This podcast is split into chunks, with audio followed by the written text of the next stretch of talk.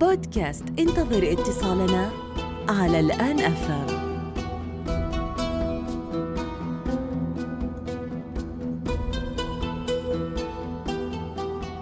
عسلامة ومرحبا بكم الناس الكل في حلقة جديدة من بودكاست انتظر اتصالنا. عاش العالم العربي في الفترة الأخيرة على وقع الاحتفالات بالمولد النبوي الشريف.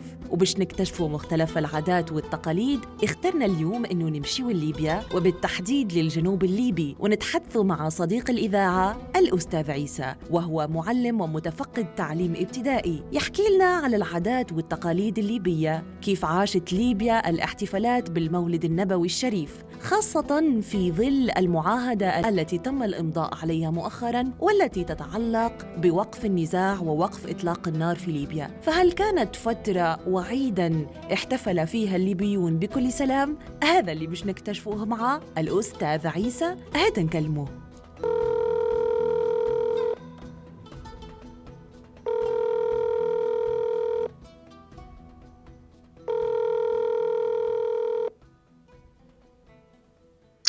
السلام عليكم. ألو أهلا وسهلا أستاذ عيسى كيف حالك؟ مرحبتين يا بلا ندى لاباس الحمد لله. وإنت شنو أحوالك؟ شنو أخبار العائلة؟ والله الحمد لله نحمد الله على نعمته ونشكره يا بلا ندى. لك وحشة الحمد لله على السلامة وال والعودة مباركة إن شاء الله. يعيشك الله يخليك والله يحفظك. آه، احكي لي شنو الأخبار؟ كيفاش احتفلتوا بالمولد النبوي الشريف في ليبيا؟ بسم الله الرحمن الرحيم. وبه نستعين. احتفلنا من أيام قليلة مرت علينا ذكرى جليلة وذكرى عظيمة وذكرى لها أثر غالي وأثر كبير في نفوس المسلمين في أرجاء العالم قاطبة ذكرى مولد الكائنات سيدنا محمد عليه الصلاة والسلام. تم في ليبيا في كافة الجوامع تلاوة سيرته العطرة ومدح الرسول. وكان الناس كلهم ملتمين في الجوامع كبار صغار فتية. وكاين مظهر يعني قد ما يحاول الإنسان إن يوصف هالمظهر الرباني ما يقدرش فعلا ليله عظيمة من أعظم الليالي اللي هي ليلة المولد. وأدعو الله المولى عز وجل إن يعيدوا علينا وعلى الأمة الإسلامية بالخير واليمن والبركات. آمين يا ربي آمين. وهي من أكثر المناسبات الدينية اللي تقرب العائلة ويقرب الأصدقاء وتكثر فيها المظاهر الروحانية. من بين العادات والتقاليد في مختلف الدول الإسلامية أستاذ عيسى هو الذهاب إلى الجوامع والقيام بالذكر والتجهد إلى آخره. ولكن في عادات نعم، آه،. في البلدان العربية وهي عادات غذائية عادة ما نقوم بتحضير الحلويات تحضير موائد إلى آخره لا أدري إن كانت في ليبيا في هذه الطريقة من الاحتفال وإذا في شو هي الأكلات أو الحلويات اللي تحضروها نعم نعم ليبيا كغيرها من البلدان العالم تحتفل بهذه المناسبة وكل منطقة لها طقوس معينة ولها عادات معينة. الجنوب يختلف عن الشرق والشرق يختلف عن الغرب والغرب يختلف عن الشمال. طبعا جرت العادة. نحن نتحدث عن الجنوب بحكم إني أنا من الجنوب. تلتم العائلة الأسر مع بعضهم في على مائدة واحدة مائدة العشاء قبل الذهاب للجوامع لتلاوة السيرة العطرة ويتناولوا المرطبات والحلويات وما لذ وطاب في هذه الذكرى الروحانية ذكرى سيد مولد سيد الخلق. الحمد لله. حسب ما فهمت أن الأمور آه، تعدت تمام وكانت مناسبة آه، لبث الفرحة ولعيش كذلك بعض اللحظات الجميلة والمهمة بين العائلات والجيران. يمكن هذه اللحظات يفتقدها المجتمع الليبي في الفترة الأخيرة أستاذ عيسى منذ اندلاع هذه المشاكل في مختلف المناطق. فما هو دور هذه المناسبات في شد الأزر وتقريب الأشخاص وبث السلام كذلك في ليبيا. نعم.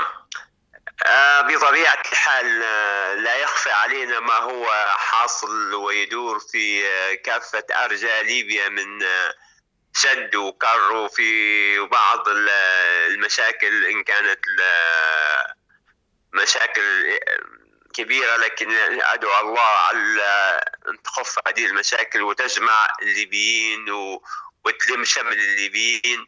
طبعا المشاكل أثرت سلبا على كل طقوسنا وكل عاداتنا سواء أفراحنا سواء مناسباتنا الاجتماعية سواء مناسباتنا الدينية أثرت تأثير سلبي. وهذا فرق بدل ما يجمع الناس والأسر والأحباب يلتق حتى التواصل بدا صعب.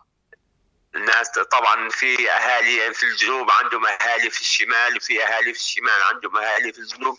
نظرا لهالمشاكل اللي تدور حاليا في ليبيا روح الوصال وروح الألفة وروح اللقاء صبح أو ظل إن لم يكن منعدما بشكل قليل عن ما كان عليه في السابق.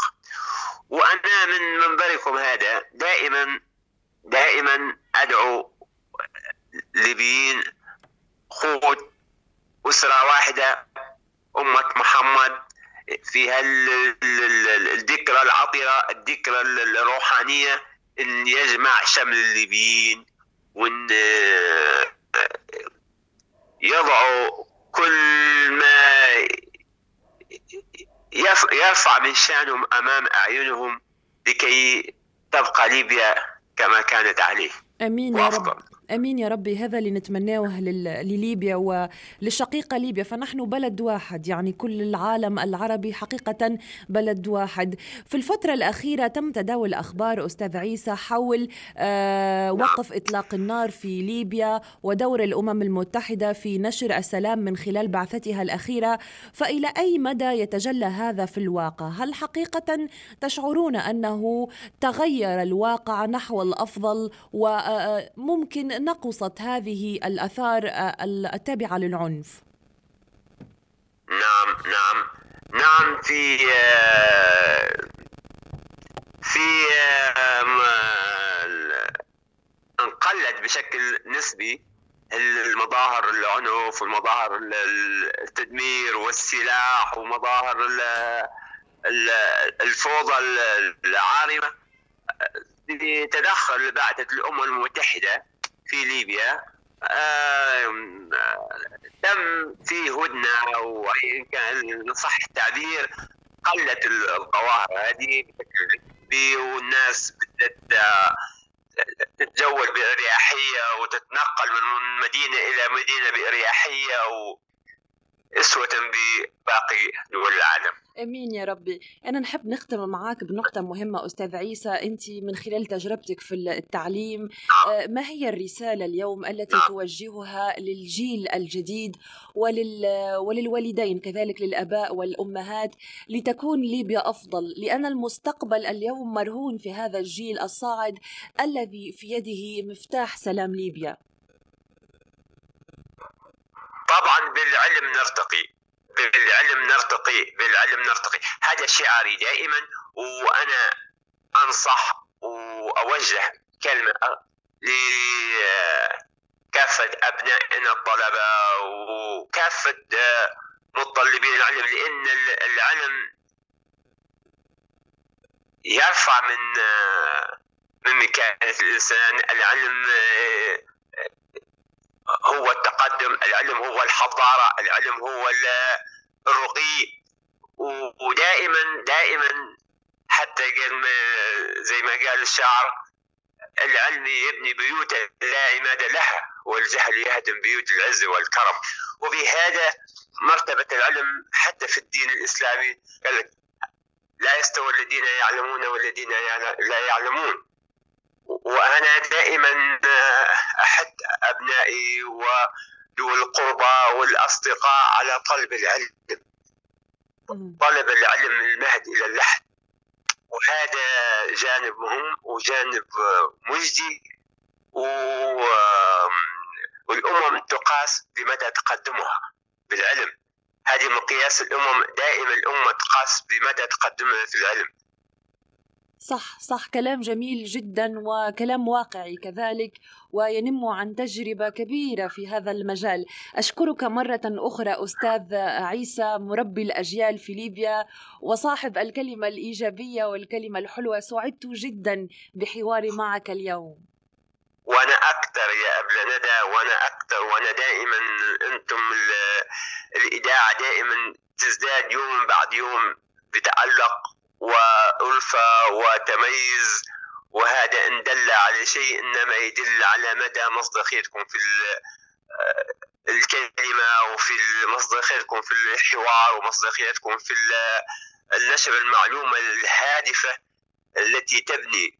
وهذا منبر إعلامي يستحق كل تقدير وكل الوفاء ويستحق منا كل سنة شكرا لك أستاذ ولن أطيل عليكم أمدكم الله أمدكم الله بالصحة والعافية وأسعدكم في الدارين.